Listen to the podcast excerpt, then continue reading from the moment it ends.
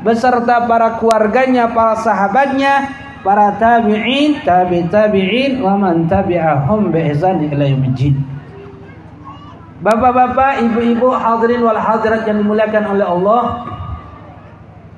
Sebelumnya Habib minta maaf agak terlambat datang ke sini karena tadi mobilnya diganti. Tadi sini pergi pakai mobil Innova, terus diganti takutnya nanti nggak masuk nggak bisa ngebut ke sininya. Jadi dirubah mobil Navara. Jadi agak terlambat tapi minta maaf. Dan karena keterlambatan ini juga yang harusnya ada kata sambutan sambutan daripada yang berhak untuk memberikan sambutan dari Pak Kades dan sekitarnya atau orang-orang lain e, disingkat diputuskan supaya nggak ada sambutan lagi langsung habis ceramah karena waktunya sudah hampir 11 eh, rapat. Minta maaf sebelumnya. Mudah-mudahan walaupun beliau-beliau tidak memberikan sambutan yang jelas tujuan beliau pasti mengharapkan kebaikan demi kebaikan yang kita lakukan dalam kehidupan di dunia maupun kelak nanti di akhirat. Ikhwan wal akhwat yang dimuliakan oleh Allah, bapak-bapak, ibu-ibu. Alhamdulillah, alhamdulillah.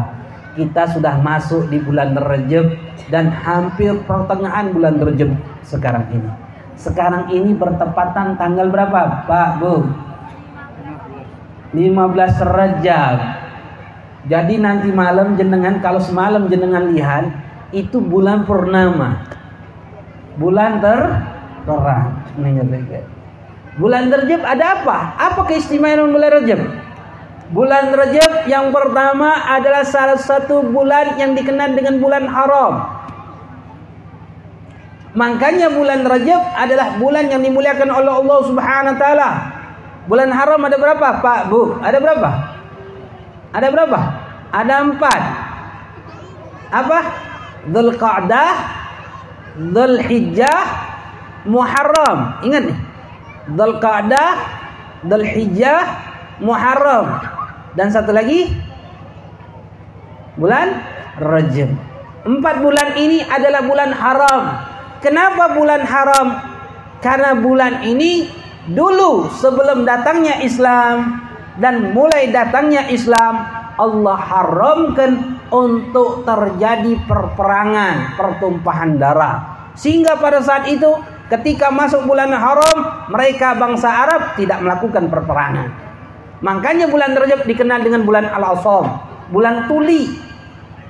Kenapa? Karena tidak terdengar dentingan perang. Tidak terdengar dentingan pedang. Makanya dikenal dengan bulan Asab. Ada lagi yang mengatakan bulan Rajab adalah dikenal dengan bulan Asab. Apa? Bulan tuangan. Tuangan apa? Rahmat dan ampunan Allah Subhanahu wa taala itu di bulan Rajab saat ini. Makanya Rasulullah sallallahu alaihi wasallam mengatakan Rajab syahrullah Sya'ban syahri war Ramadan syahru ummati. Rasulullah katakan Rajab bulan Allah. Sya'ban bulanku. Ramadan adalah bulan umatku kata Rasulullah. Ulama mengatakan Rajab syahrul istighfar. Sya'ban syahrul salawat ala Nabil Mukhtar.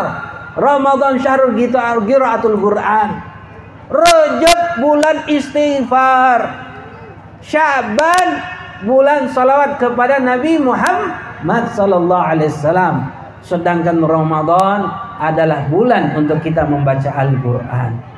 Rajab yang saat ini kita berada di bulan ini dan sudah masuk di pertengahan bulan Rajab ini adalah bulan istighfar bulan yang dimana Allah berikan ampunan demi ampunan bagi mereka yang bertobat kepada Allah Subhanahu wa taala Makanya keistimewaan bulan Rajab adalah bulan untuk kita meminta ampunan kepada Allah dengan berbagai macam istighfar. Bahkan para ulama menuliskan istighfar yang paling bagus yang dikenal dengan istighfar Rajab.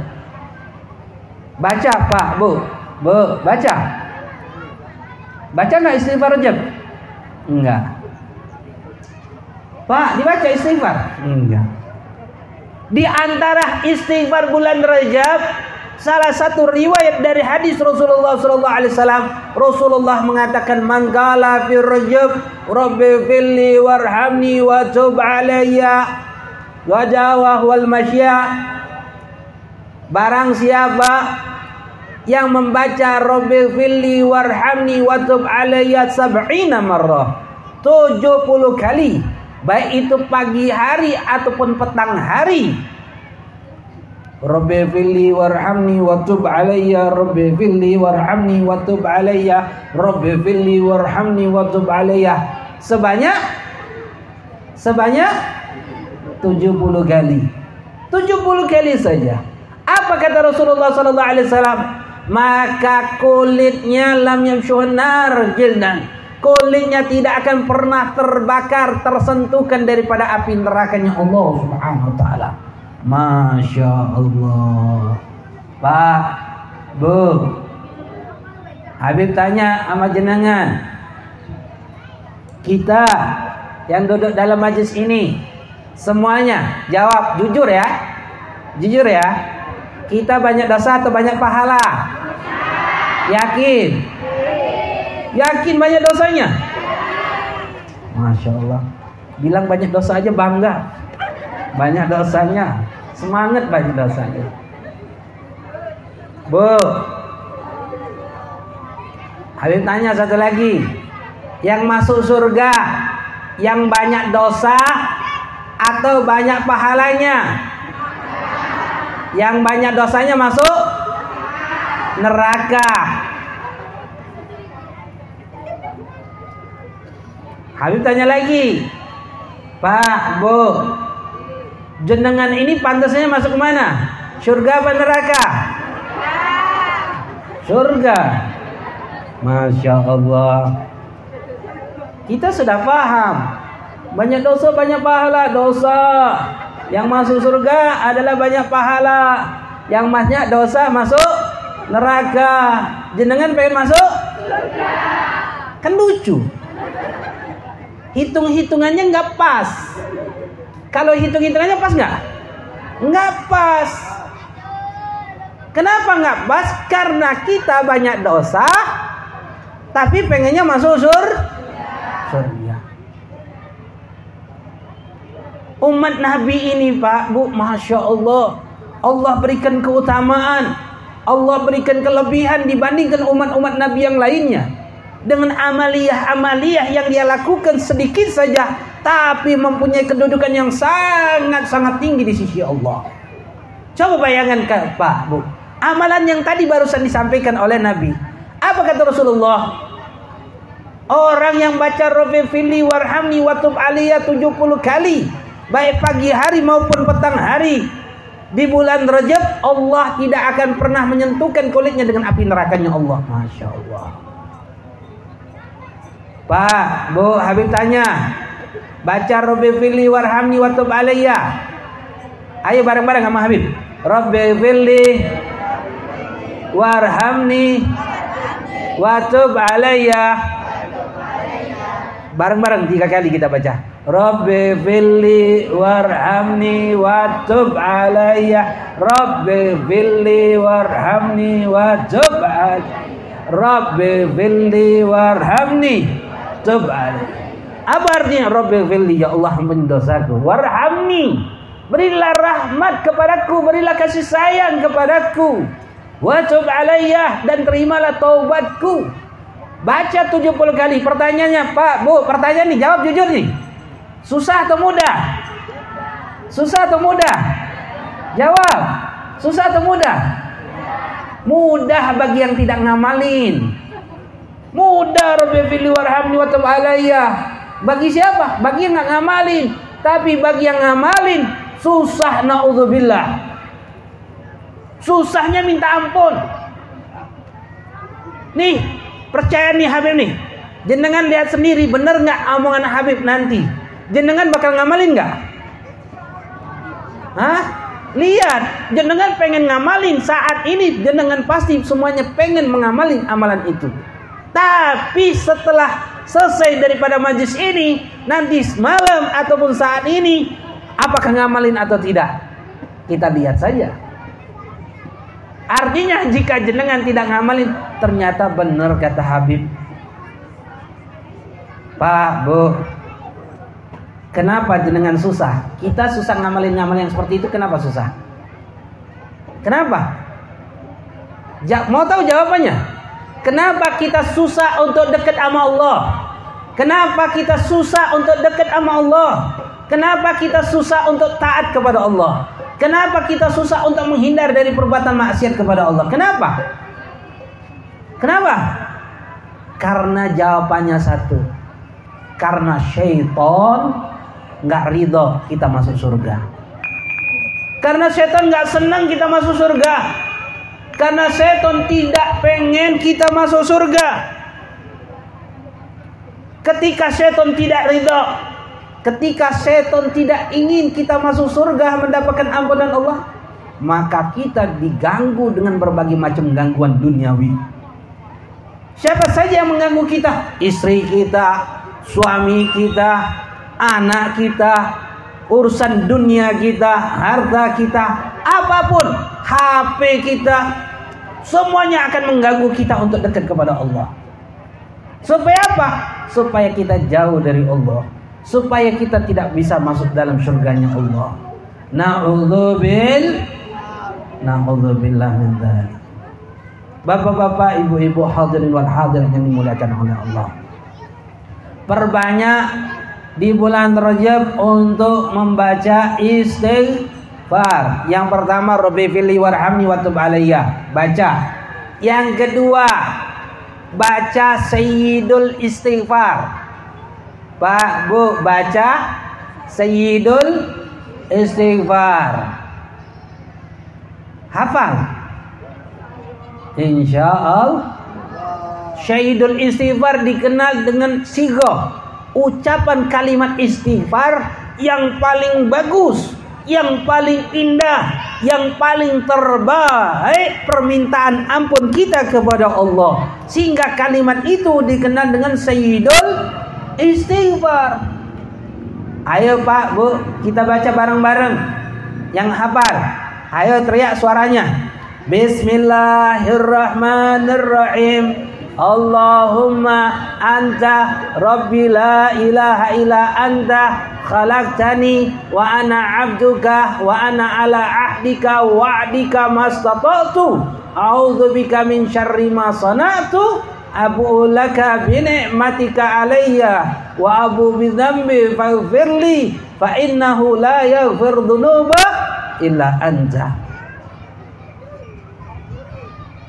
Itu adalah kalimat Sayyidul Istighfar, pemimpin dari kalimat syigo untuk permintaan ampun kita kepada Allah. Maka dari itu baca tiga kali setiap pagi dan petang. Mau tidur baca tiga kali, bangun tidur pagi-pagi baca tiga kali. Tiga kali saja, maka Allah akan ampuni dosa-dosa kita. Kita ngaku kita sadar diri bahwasanya kita ini adalah makhluk yang mudhib, yang banyak dosanya, mukasyirin, yang lalai kepada Allah. Kita paham sebagaimana Habib tanyakan tadi kita banyak dosa atau tidak? Banyak dosa kita. Pahala kita sedikit dibandingkan dosa. Tapi ada cara. Caranya istighfar, permintaan ampun kepada Allah. Itu salah satu cara kita minta ampun kepada Allah dengan dosa-dosa kita. Baca Sayyidul Istighfar yang tidak hafal Pak Bu, jenengan nggak hafal tuh baca Sayyidul Istighfar. Jenengan tanya sama si Google, semuanya ada HP tuh. Tanya sama si Google. Ketik tulis Sayyidul Istighfar. Keluar itu Sayyidul Istighfar itu jenengan print, jenengan fotokopi, jenengan letakin di tempat tidur, jenengan letakin tempat sholat, jenengan baca, mau tidur baca, mau sholat baca, setelah sholat baca, baca terus, jenengan jadiin wirid itu istighfar minta ampun kepada Allah Subhanahu wa taala. Supaya Allah ampuni dosa-dosa kita. Pak, Bu, sering habis sampaikan di dalam majlis-majlis kita ini masih saat ini diberikan kesempatan oleh Allah Subhanahu wa taala. Kesempatan apa? Hidup di dunia. Nabi Kanjeng Nabi Muhammad sallallahu alaihi wasallam itu setiap bangun tidur bersyukur atas nikmat hidup yang Allah berikan kepada beliau. Disebutkan di dalam riwayat Sahih Bukhari dan Muslim, apa yang diucapkan Nabi setelah bangun tidur? Rasa syukur apa ucapannya? Apa? Apa Pak? Bu? Apa bacanya? Alhamdulillahilladzi ahyana ba'da ma amatana wa ilaihi nusur. Hafal kita orang. Tanpa kita sadari apa itu artinya? Artinya puji syukur kepada Allah yang telah menghidupkan kami yang tadinya telah mematikan kami dan sesungguhnya kami akan kembali kepada Allah. Nabi setiap bangun tidur bersyukur atas nikmat hidup yang Allah berikan. Ulama hadis kenapa mengatakan kenapa Nabi senantiasa bersyukur atas nikmat hidup yang Allah berikan karena dengan nikmat hidup manusia diberikan kesempatan oleh Allah untuk bertobat kepada Allah. Kita saat ini semuanya diberikan kesempatan demi kesempatan oleh Allah. Untuk apa? Bertobat. Memperbanyak minta ampun kepada Allah.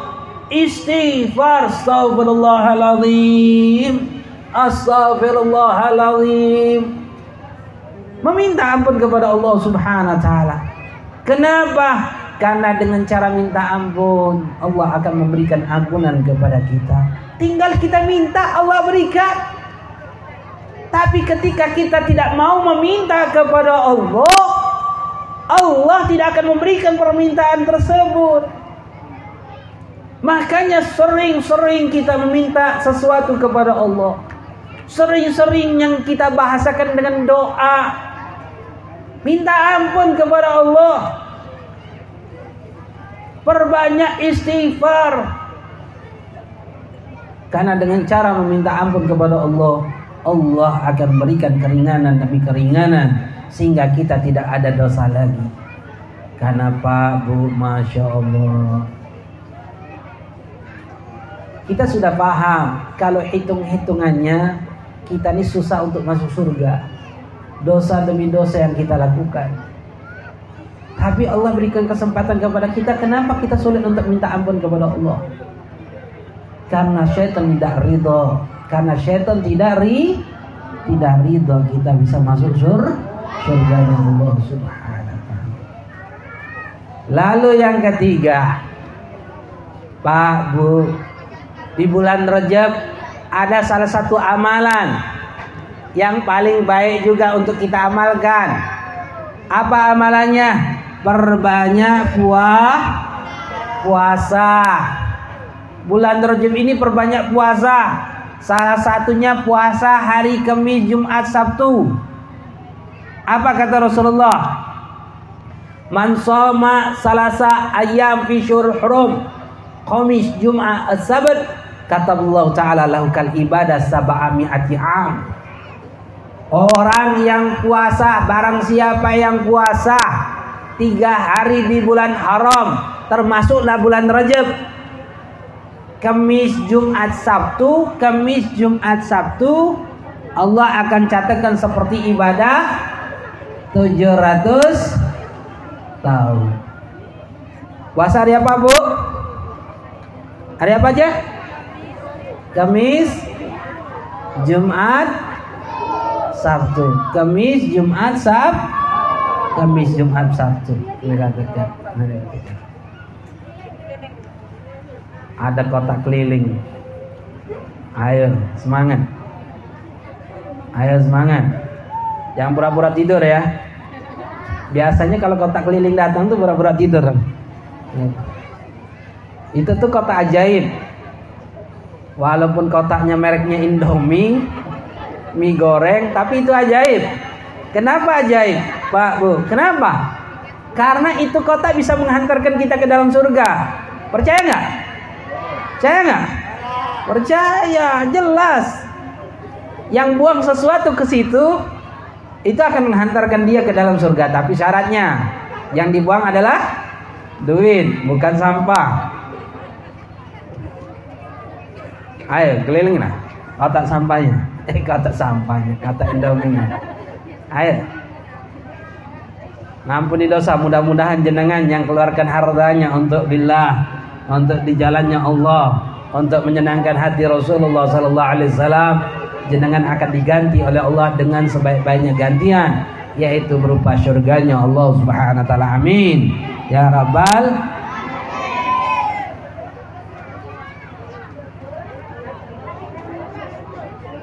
Ayo satu orang saja keliling tuh bawa kotaknya tuh kayak ibu itu.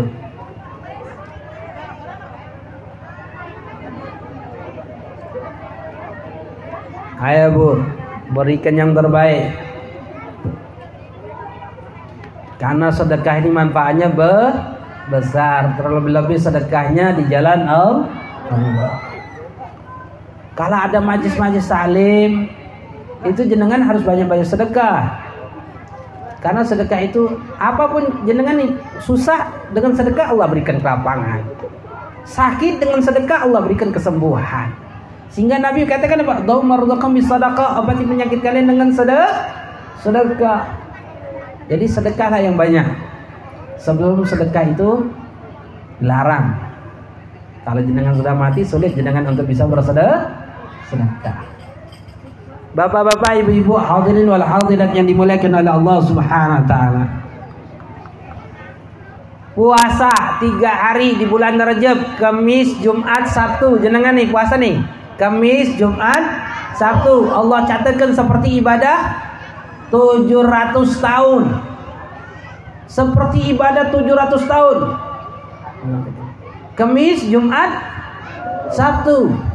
Jenengan puasa Kamis, Jumat, Sabtu tiga hari saja tiga hari saja jenengan puasa Kamis Jumat Sabtu Allah catatkan seperti ibadah 700 tahun. Habib tanya Pak Bu tanya lagi nih. Yang ditimbang nanti di mizan itu amal kita atau pahalanya? Amal atau pahalanya? Amal atau pahalanya? Pahalanya bukan amalnya. Bu, Pak. Kita duduk sama nih majlis nih. Sama nggak duduknya? Amalnya sama nggak? Amalnya sama nggak? Amalnya sama duduk dalam majlis taklim. Kita semua ngaji duduk di sini. Tapi pahalanya beda nggak? Beda. Sering habis sampaikan yang nyender dengan yang nggak nyender beda nggak pahalanya? Beda yang duduk depan dengan duduk belakang beda nggak? Beda. Yang jauh rumahnya dengan yang dekat rumahnya beda nggak? Beda. Yang sedekah seribu dua ribu beda nggak? Beda. Amalnya? Pahalanya? Beda. Yang ditimbang oleh Allah pahala apa amalnya? Pahala dari amal yang kita lakukan, bukan amalnya. Makanya ada amalnya sedikit tapi fadilahnya besar. Contoh tiga hari puasa di bulan Rajab, Kamis, Jumat, Sabtu, Allah catatkan seperti ibadah 700 tahun. Kalau puasa selain hari itu, tiga hari ya dapat tiga hari pahalanya. Tapi kalau di bulan Rajab Allah berikan ganjaran yang luar biasa. Duduk dalam majlis taklim, pengajian. Pak, Bu, kita ini duduk pengajian, ganjaran pahalanya besar. Lebih besar dari sedekah seribu kuda di jalan Allah.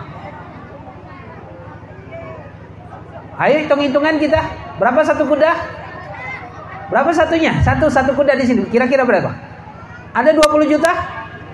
20 juta. Kaliin 1000. Berapa? 20 M, 20 miliar. Kan benar ya? Benar nggak? Jenengan 20 miliar sedekah di jalan Allah dengan jenengan duduk dalam majlis taklim, pengajian yang seperti ini singkat seperti ini itu lebih baik daripada jenengan sedekah seribu kuda di jalan Allah. Lebih baik daripada sedekah seribu kuda di jalan Allah. Lebih baik daripada seribu rokaat yang jenengan lakuin. Ayo aku tanya, ada siapa di antara kita yang sholat seribu rokaat? Ada? Enggak ada. Tapi kita duduk dalam majlis salim lebih afdol, lebih utama daripada sholat seribu rokaat lebih afdal daripada ngurus seribu jenazah Ada di antara kita yang ngurus jenazah?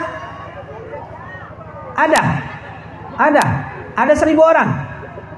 Paling satu aja kita sudah, wah gede pahalanya. Seribu jenazah kita urus nggak ada apa-apanya. Keutamaan duduk majlis taklim amalnya sedikit, fadilahnya sangat be besar. Makanya jenengan kalau ada pengajian demi pengajian, jenengan jangan tinggalkan. Usahakan jenengan untuk bisa hadir. Kenapa? Karena dosa kita banyak. Dosa kita bah banyak. Yang ngimbangi dosa kita adalah amal-amal yang sedikit tapi fadilahnya be besar. Duduk majlis taklim, puasa di bulan Rajab. Makanya jangan sampai jenengan tinggalkan. Lalu Pak, Bu, ada apa lagi di bulan Rajab ini? Ada apa aja? Apa yang terkenal? Isra wal Mi Isra wal Mi'raj. Yang saat ini kita mengadakan perayaan di antaranya salah satunya perayaan Isra wal Mi'raj. Isra wal Mi'raj adalah perjalanan yang ajaib. Perjalanan yang tidak bisa diterima dengan akal. Perjalanan yang bisa hanya diterima dengan keyakinan. Perjalanan yang hanya bisa diterima dengan keimanan, kepercayaan kita kepada kepada Allah. Makanya di dalam Al-Qur'an Allah ceritakan tentang Isra Mi'raj diawali dengan kalimat subhana di mana Allah katakan subhanalladzi asra bi 'abdihi lailan minal masjidil haram ila masjidil aqsa alladzi barakna haulahu linuriyahu min ayatina. Allah katakan subhana maha suci Allah alladzi asra bi 'abdihi yang telah memberikan perjalanan kepada hambanya pada malam hari Pak, Bu, ini kalimat subhanah ini adalah kalimat takjub. Makanya Allah berikan judul subhanah, maha suci Allah. Makanya kalau kita melihat sesuatu yang mengagumkan kita, kita jawab apa? Subhanallah, maha suci Allah. Kalau melihat sesuatu yang mengagumkan bagi kita, subhanallah. Kenapa? Supaya kita tetap mengagungkan Allah Subhanahu wa taala walaupun yang kita lihat itu mengagumkan diri kita. Kita lihat sesuatu yang mengagumkan bagi kita, tetap kita mengagungkan Allah Subhanahu wa taala yang menciptakan sesuatu yang mengagumkan tersebut. Subhanalladzi asra yang memberikan perjalanan pada malam hari. Artinya di sini dijelaskan kepada kita yang memperjalankan itu adalah Allah, bukan Nabi Muhammad. Bukan perjalanan Nabi Muhammad, tapi perjalanan Allah memperjalankan Nabi Muhammad. Lailan pada malam hari milal Masjidil Haram ila Masjidil Aqsa. Mulai daripada Masjidil Haram sampai Majlil Aqsa. Disebutkan dalam kitab Anwar Rubahiyah fi Isra wal Mi'raj Khairul Bariyah yang dikarang oleh Sayyid Muhammad bin Alwi bin Abbas Al-Maliki Al-Maliki Al-Hasani rahimahullah. Beliau menjelaskan riwayat-riwayat hadis tentang perjalanan Nabi tentang Isra wal Mi'raj. Isra itu perjalanan mendatar. Mi'raj itu perjalanan menaik, menaik. Ini katakan. Jadi Isra wal Mi'raj ini ada dua cerita. Ada Isra, ada Mi'raj. Yang pertama Isra di mana Nabi pada malam hari ketika dalam riwayat Nabi tidur di rumahnya. Dalam riwayat Nabi tidur di depan Ka'bah. Itu pada saat itu Nabi dibangunkan oleh malaikat Jibril lalu Nabi diperintahkan untuk mengikuti malaikat Jibril pada saat itu sebelum berangkat apa yang terjadi pembelahan dadahnya Nabi Muhammad sallallahu alaihi wasallam. Dibelah tuh dada Nabi untuk melakukan perjalanan Isra'ul Mi'raj. Pak, Bu. Berapa kali Nabi pernah dibelah dadanya? Berapa kali? Berapa kali? Empat kali. Empat kali Nabi dibelah dadanya. Yang pertama ketika Nabi masih di Bani Sya'ad ketika diasuh oleh Halimatus Sya'diyah ketika anaknya Halimatus Sya'diyah mengasuh Nabi maka pada saat itu terjadilah pembelahan dada darah dadahnya Nabi sehingga Halimatus Sya'diyah takutan sehingga pada saat itu umur Nabi 4 tahun dibalikan kepada ibunya Siti Aminah karena kejadian tersebut. Yang kedua, ketika Nabi mengembala kambing. Pada saat itu Nabi sudah mulai umur belasan tahun. Yang ketiga, ketika Nabi saat diangkat menjadi nabi dan rasul, umur 40 tahun. Yang keempat, ketika malam Isra wal Mi'raj. Terjadinya Isra wal Mi'raj ini satu tahun sebelum Nabi berangkat dari kota Mekah ke kota Madinah.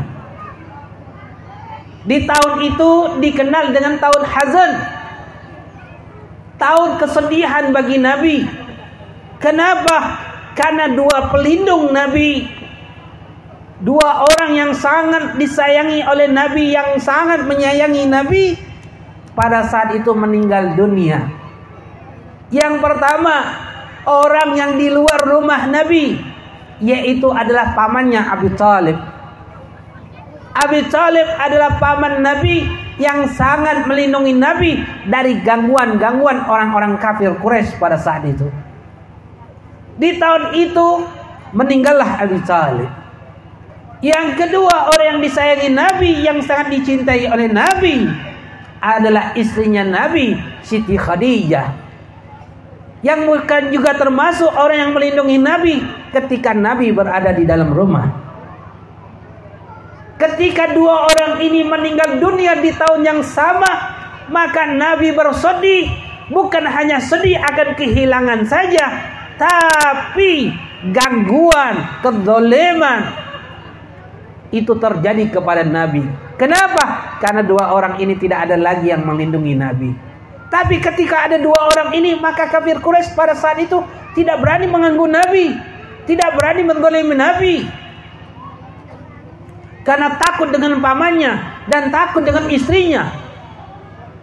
Pada saat itu istrinya Nabi Siti Khadijah adalah orang yang sangat disegani, orang yang sangat ditakuti dan dihormati. Begitu juga dengan paman Nabi. Pada saat kedua orang tersebut wafat, gangguan terhadap Nabi luar biasa. Kedoliman terhadap Nabi luar biasa. Sehingga pada tahun itu Allah ingin menyenangkan hati Nabi. Maka pada saat itu pun Nabi melakukan perjalanan Isra wal Mi'raj bertemu dengan Allah. Di dalam perjalanan itu Nabi menaiki suatu kendaraan namanya apa Pak Bu? Kendaraan itu bernama Buruk. Buruk ini adalah hewan. Dan buruk ini adalah kendaraannya para nabi-nabi sebelum nabi kita Nabi Muhammad. Mulai daripada Nabi Allah Adam alaihissalam sampai akhir umat Nabi Nabi kita pun menaikin buruk. Jadi buruk hanya bukan kendaraan untuk Nabi Muhammad saja. Nabi-nabi lain pun menaikin kendaraan buruk tersebut. Ketika sudah menaikin buruk, Nabi sempat berhenti di beberapa tempat diperintahkan oleh malaikat Jibril untuk sholat. Setelah sholat di tempat tersebut, Nabi ditanya oleh malaikat Jibril, Ya Muhammad atardri aina salaita? Ya Muhammad kau tahu kau sholat di mana? Maka Nabi mengatakan aku tidak tahu ya Jibril. Anta salaita fi Taibah. Engkau sholat di Tai Taibah. Pak, Bu, tahu Taibah? Di mana? Maka malaikat Jibril memberikan isyarat, anta hajir ilaiha, engkau akan hijrah ke sana. Kau akan hi hijrah ke sana.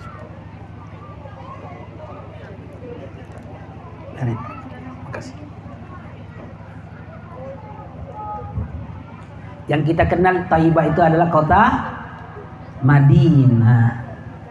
Pernah dengar Pak Bu? Pernah dengar lagu Ya Taibah? Ya Taibah pernah dengar? Artinya apa?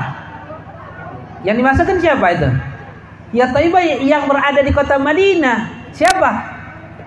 Rasulullah Rasulullah sallallahu alaihi wasallam. Makanya ketika kita mengucap ya Taibah, ya Taibah itu artinya ya Rasulullah. Hai orang yang ada di kota Madinah yaitu Rasulullah sallallahu alaihi wasallam.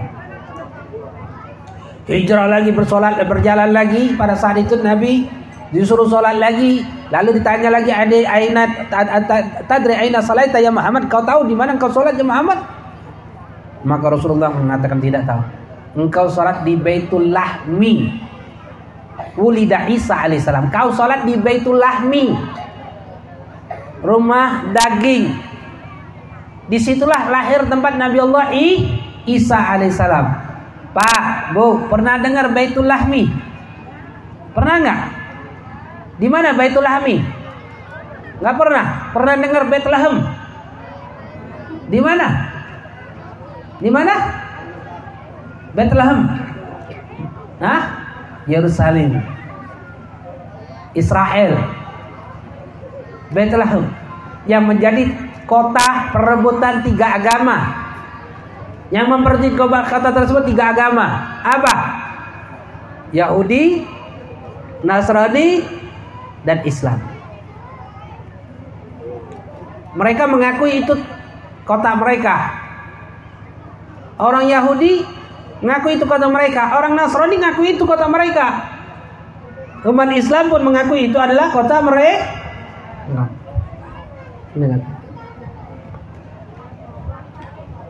Jalan lagi Nabi. Pada saat itu Nabi melihat keajaiban-keajaiban yang di mana Allah memberikan nikmat bagi umat Nabi yang melakukan kebaikan-kebaikan. Begitu juga Allah memperlihatkan kepada Nabi, Allah memberikan azab kepada umat-umat Nabi yang melakukan perbuatan maksiat demi kemaksiatan. Pak, Bu, itu Allah tampakkan surga, Allah tampakkan neraka pada saat itu. Allah tampakkan orang yang mendapatkan nikmat di dalam surga. Allah tampakkan orang-orang yang mendapatkan azab di dalam neraka. Pertanyaannya, Surga dan neraka sudah ada belum saat ini? Sudah ada. Orang yang saat ini sudah ada yang masukkan surga atau neraka, ada belum? Belum. Lalu bagaimana Habib? Kenapa di situ Nabi diperlihatkan itu dikenal dengan alam muntamsil, alam perumpamaan di mana Allah memberikan perumpamaan bagaimana umat Nabi nanti kalau melakukan amal-amal ketaatan dia akan menikmat, mendapatkan nikmat seperti ini. Jika umat Nabi melakukan maksiat-maksiat, maka dia akan diberikan azab seperti ini. Nauzubil. Dalam perjalanan tersebut sampai ke Masjidil Aqsa. Ketika di Masjidil Aqsa, kumpul para nabi, kumpul para malaikat, salat bersama Nabi yang pada saat itu Nabi jadi imam. Salatnya kefianya belum seperti salatnya kita orang. Kata ulama tidak ada rukuk dan sujud. Kata ulama tidak ada ruku dan duduk di antara sujud, sujud saja langsung berdiri lagi langsung. Kemudian setelah Isra sampai ke Masjidil Aqsa, baru perjalanan Mi'raj. Nabi menaiki langit. Langit pertama ketemu dengan para malaikat. Langit kedua, ketiga, terus ketemu para malaikat dan para ambia sampai kepada Sidratul Muntaha. Sidratul Muntaha adalah tempat yang paling tinggi setelah langit ketujuh ketujuh. Sidratul Muntaha ini ada tempat ketika pada sampai Sidratul Muntaha malaikat Jibril yang menemani Nabi terhentikan. Ketika itu Nabi memerintahkan kepada Jibril, "Wahai Jibril, kenapa kau berhenti? Ayo temenin aku bertemu dengan Allah." Maka Jibril mengatakan, "Laisa minna illa maqal ma'lum." Tidak ada di antara kami kecuali orang-orang yang diberikan kekuasaan untuk bisa melewati hal ini. Sampai naik langit tersebut Jibril pun tidak mampu untuk naik, maka Nabi ketemu dengan Allah Subhanahu wa taala. Pak, Bu. Bu. Ucapan pertama kali ketika Nabi ketemu Allah, apa yang diucapkan oleh Nabi? Apa yang diucapkan Nabi ketika pertama kali Nabi bertemu dengan Allah? Hah? Apa? At-tahiyatul mubarakatus salawatut tayyib. Itu kalimat yang diucapkan oleh Nabi ketika Nabi bertemu dengan Allah. Ketika pertama kali ketemu dengan Allah, Nabi mengucapkan At-tahiyatul mubarakatus salawatut tayyibatul lillah. Apa arti at-tahiyah? Penghormatan at-tahiyatul mubarakah, penuh dengan keberkahan. Salawat di dalam salawat. At-tayyibah. Yang penuh dengan kebaikan. Lillah, hanya untuk Allah. Yang kita baca di dalam tahiyat. Setelah kita Nabi setelah Nabi mengucapkan kalimat tersebut Allah jawab. Allah jawab Nabi apa yang dibaca oleh Allah? Apa yang diucapkan oleh Allah Subhanahu wa taala? Apa yang diucapkan? Apa Assalamu alayka ayyuhan nabi wa rahmatullahi wa barakatuh itu yang diucapkan oleh Allah Assalamu alayka ayyuhan nabi warahmatullahi wabarakatuh. Salam rahmat keberkahan untuk engkau wahai nabiku. Itu yang diucapkan oleh Allah terhadap na, Nabi. Lalu Nabi balas lagi ucapan tersebut. Jawab apa Nabi? Assalamu alaina wa ala ibadillahis salihin. Salam dari kami dan salam dari hamba-hambamu orang-orang saleh pada saat itu semua makhluk yang mendengarkan khitab pembicaraan Nabi dengan Allah mengucapkan apa? Igra pengakuan mereka. Ucapkan apa? Apa yang diucapkan? Asyhadu an la ilaha illallah wa asyhadu anna Muhammadar Rasulullah. Aku bersaksi tiada Tuhan selain Allah dan aku bersaksi Nabi Muhammad adalah utusan Allah. Yang kalimat itu saat ini kita jadikan tasyahud. Yang di mana saat ini kita membaca tasyahud adalah kalimat untuk pujian Nabi kepada Allah dan pujian Allah kepada Nabi Muhammad sallallahu alaihi wasallam. Ikhwan wal akhwat yang dimuliakan oleh Allah Subhanahu wa taala. Pujian ini kata ulama adalah pujian yang sangat mulia Bahkan dalam riwayat lain ketika Nabi mengucapkan Isra al-Mi'raj tersebut, di ketika Nabi melihat di dalam surga, Atahiyah itu nama burung kata Nabi. Mubarakah itu nama pohon. At-Tayyibah itu nama sungai yang berada di dalam surganya Allah. Lalu Nabi katakan, barang siapa ketika di dalam solatnya dia ucapkan kalimat at-tahiyatul mubarakatus salawatut tayyibatul lillah maka pohon yang ada dalam surga itu terbang kata Nabi lalu nyelam di sungai tersebut. Lalu keluar daripada pohon tersebut. Lalu mengepak-ngepakkan sayapnya. Ketika mengepak-ngepakkan sayapnya keluarlah percikan-percikan daripada air yang dia nyelam dari sungai tersebut. Lalu Allah ciptakan setiap percikan tersebut malaikat. Dan malaikat itu Allah berikan tugas untuk meminta ampunan kepada yang sholat ilal yaumil kiamah sampai hari kiamat. Masya Allah. Jadi Pak Bu ketika sholat kita ucapkan kalimat at-tahiyatul mubarakatus salawatut. Maka pada saat itu burung yang ada dalam surga terbang nyelam di sungai tersebut lalu keluar mengepang-empangkan sayapnya. Setiap percikan itu Allah ciptakan malaikat-malaikat lalu malaikat itu diberikan tugas untuk meminta ampunan untuk kita yang sholat. Ilal yaumil sampai hari kiamat Masya Allah luar biasa luar biasa. Kemudian pada saat itu pun Allah perintahkan kepada Nabi untuk sholat. Perintah solat dan semua perintah yang bersangkutan dengan solat seperti wudhu juga Allah perintahkan pada malam Isra wal Mi'raj. Kemudian inti daripada perjalanan Isra wal Mi'raj adalah tentang masalah so salat. Maka daripada itu Pak, Bu, ini menunjukkan kepada kita suatu cerita perintah Allah yang sangat agung. Allah perintahkan puasa, tapi Allah tidak langsung memerintahkan. Allah melalui malaikat untuk memerintahkan puasa. Allah perintahkan zakat, tapi Allah tidak langsung memerintahkan. Tapi Allah perintahkan melalui malaikat. Allah perintahkan haji. Allah perintahkan berbagai macam perintah. Tidak langsung Allah perintahkan kepada Nabi Muhammad. Tapi Allah perintahkan melalui para malaikat-malaikatnya. Kecuali perintah solat.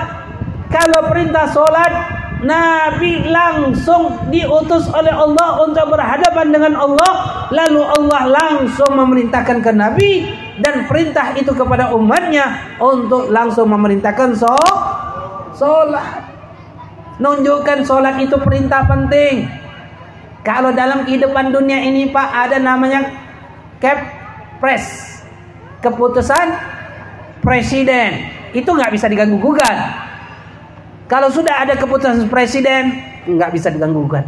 Berarti itu sudah keputusan mutlak. Begitu juga kalau langsung perintah itu dari Allah, nunjukkan sholat adalah perkara yang sangat penting dalam agama kita. Makanya kita jangan pernah ninggalkan sholat. Bu, pandangan agama terhadap sholat.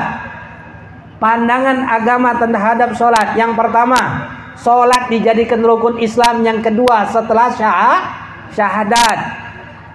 Setelah syahadat ada perintah sholat. Yang kedua Allah langsung memerintahkan sholat. Yang ketiga perintah sholat ini dari umur tujuh tahun. Bagi siapa? Bagi wali dari anak dari orang tuanya. Hukumnya adalah fardu kifayah bagi wali daripada orang tuanya dari anak tersebut untuk memerintahkan anak sholat umur tujuh tahun. Walinya siapa? Bapaknya, ibunya, kakeknya, neneknya, mamangnya, bibiannya. Hukumnya fardu kifayah memerintahkan anak sholat umur tujuh tahun. Artinya Pak, Bu, jika tidak ada yang memerintahkan anak itu sholat ketika umur tujuh tahun, siapa yang berdosa? Siapa yang berdosa? Bukan orang tuanya. Wali dari anak tersebut siapa? Bapaknya, ibunya, kakeknya, neneknya, mamangnya, bibiannya, semuanya berdosa. Karena perintah sholat itu bukan fardu diwajibkan hanya untuk orang tuanya saja.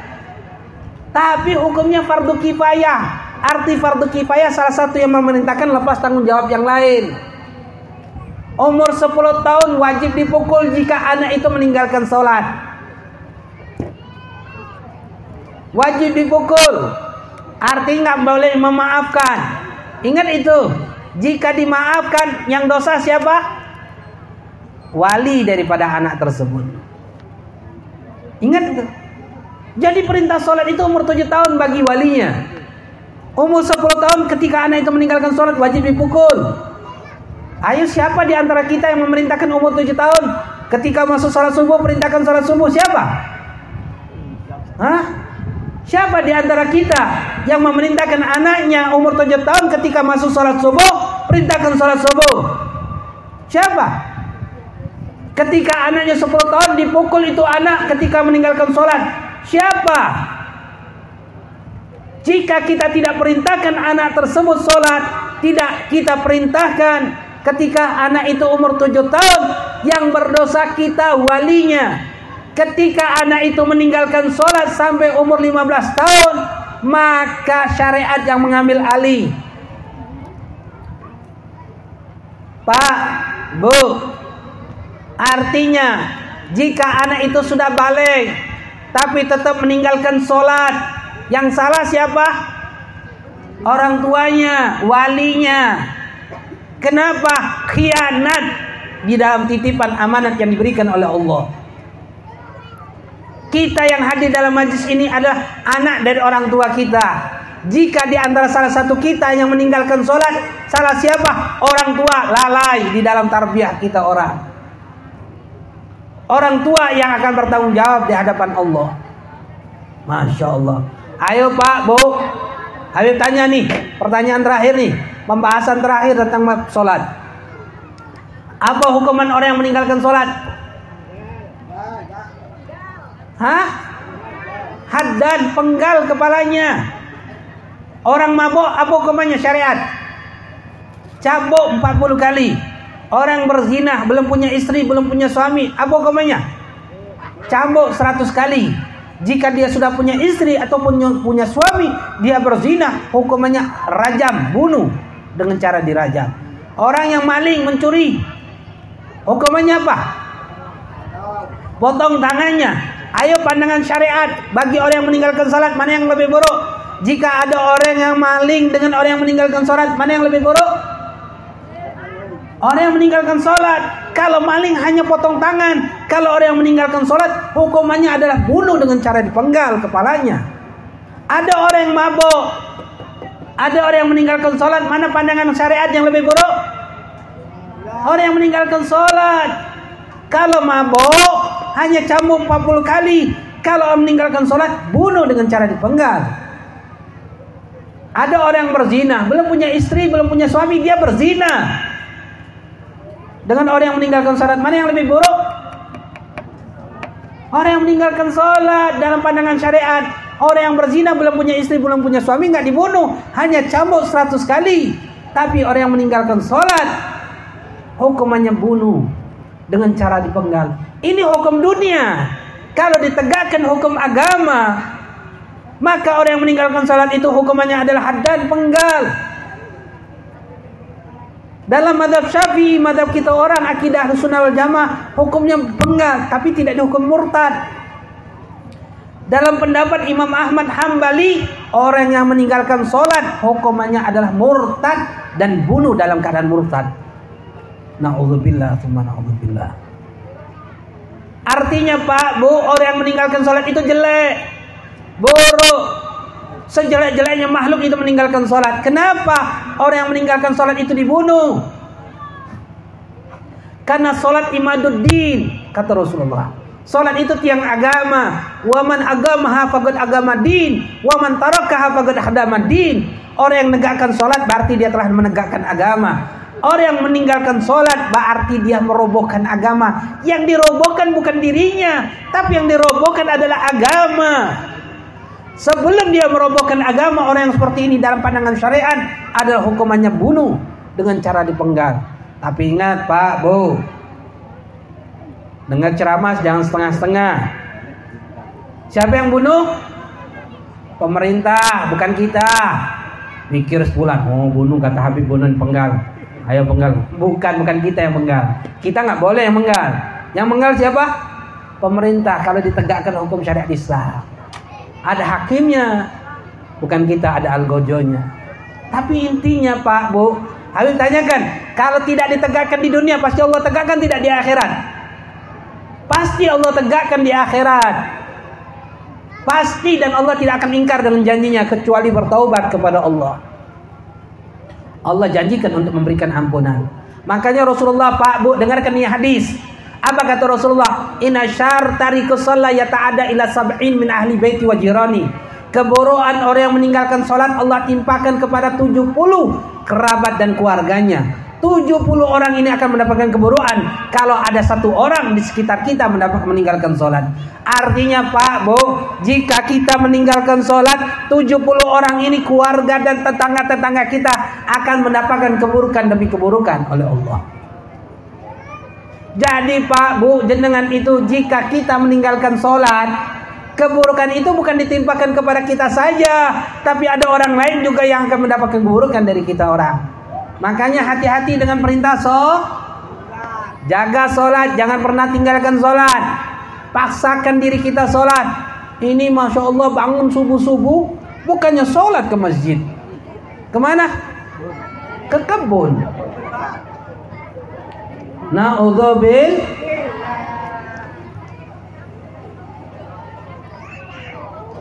Pak, Bu. Salat itu meluaskan rezeki. Salat itu meluaskan rezeki. Habib tanya, kita perlu nggak cari rezeki? Perlulah kita cari rezeki? Perlulah kita cari rezeki? Enggak perlu. Itu karena kita berpikiran kita harus mencari rezeki, akhirnya kita berpikiran cari rezeki.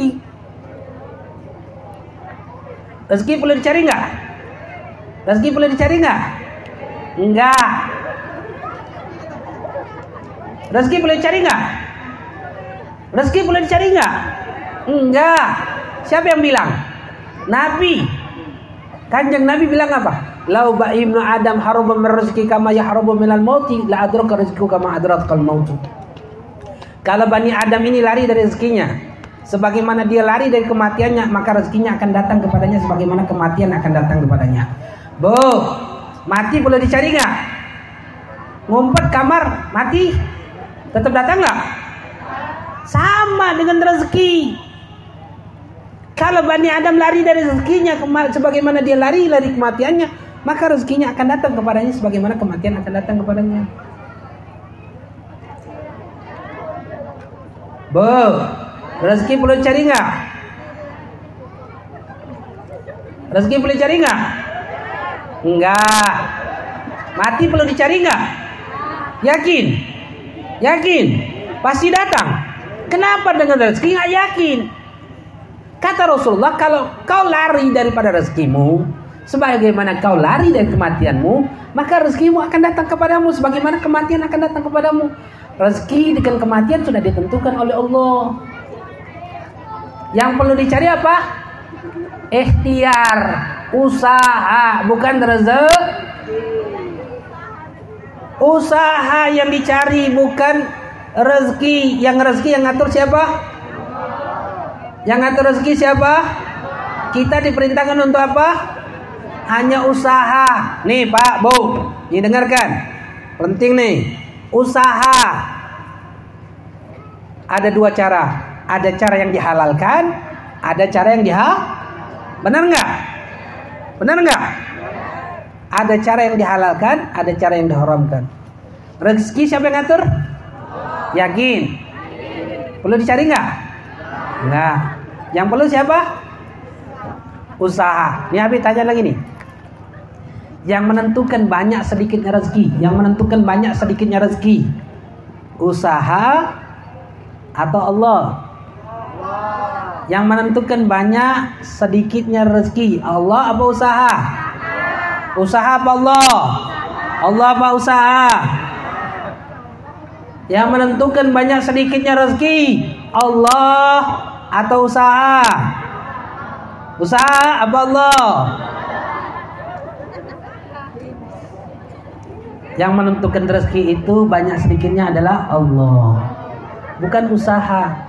Jenengan Bu, bah, jenengan cara yang haram, ini rezeki jenengan. Cara yang halal, ini rezeki jenengan. Cara yang haram, jenengan diadab oleh Allah. Cara yang dihalalkan, jenengan dihisap oleh Allah.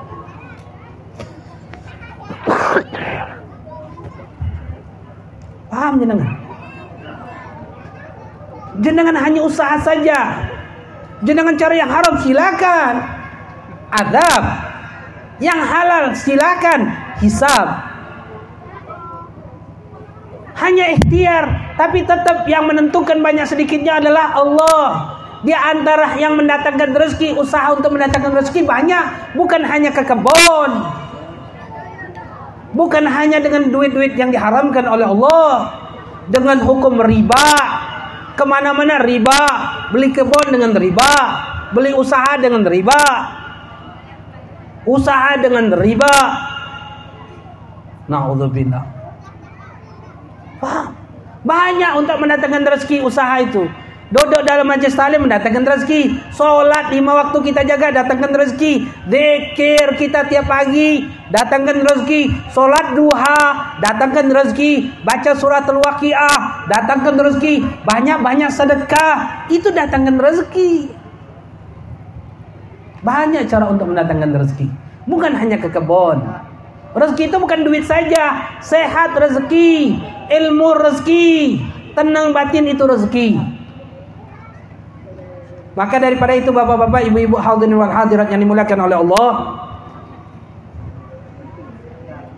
Jaga sholat lima waktu. Perbanyak dekatkan diri kita kepada Allah. Perbanyak istighfar. Perbanyak datang pengajian demi pengajian. Belajar kita hukum-hukum agamanya Allah. Belajar tentang bab solat. Belajar tentang bab wudhu. Belajar bab istinja. Bab air. Pelajari tentang tata cara ibadah kepada Allah subhanahu wa ta'ala. Mudah-mudahan dengan kita usaha untuk mendekatkan diri kepada Allah, Allah akan luaskan rezeki kita. Allah akan memberikan kesehatan kepada kita.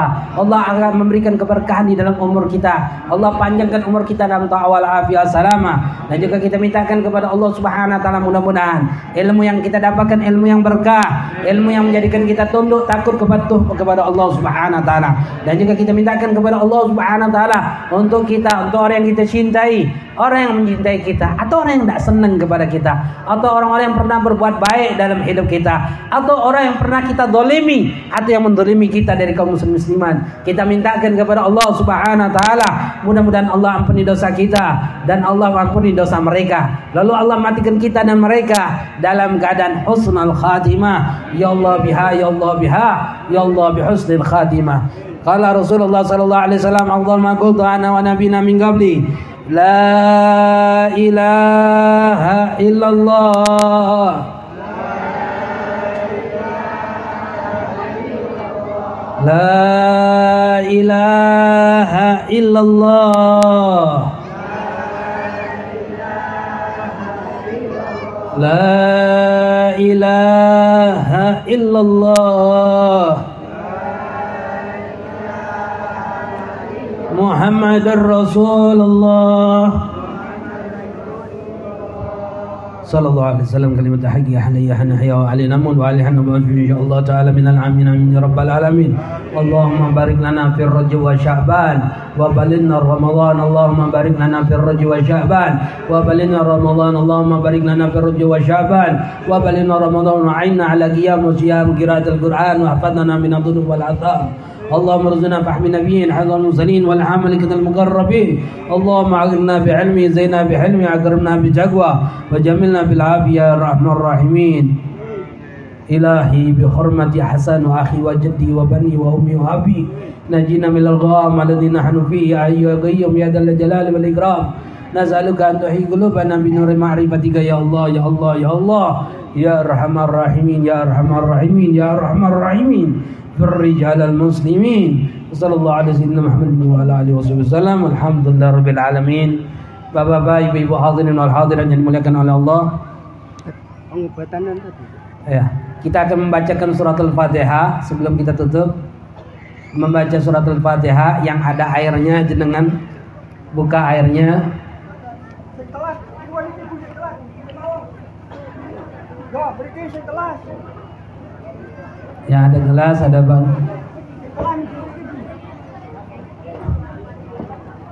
Kita akan membacakan surat Al-Fatihah untuk orang-orang yang sakit di antara kita. Ibu sebutkan saja namanya di dalam hati ibu. Nanti kata habis sebutkan namanya, sebutkan namanya yang sakit.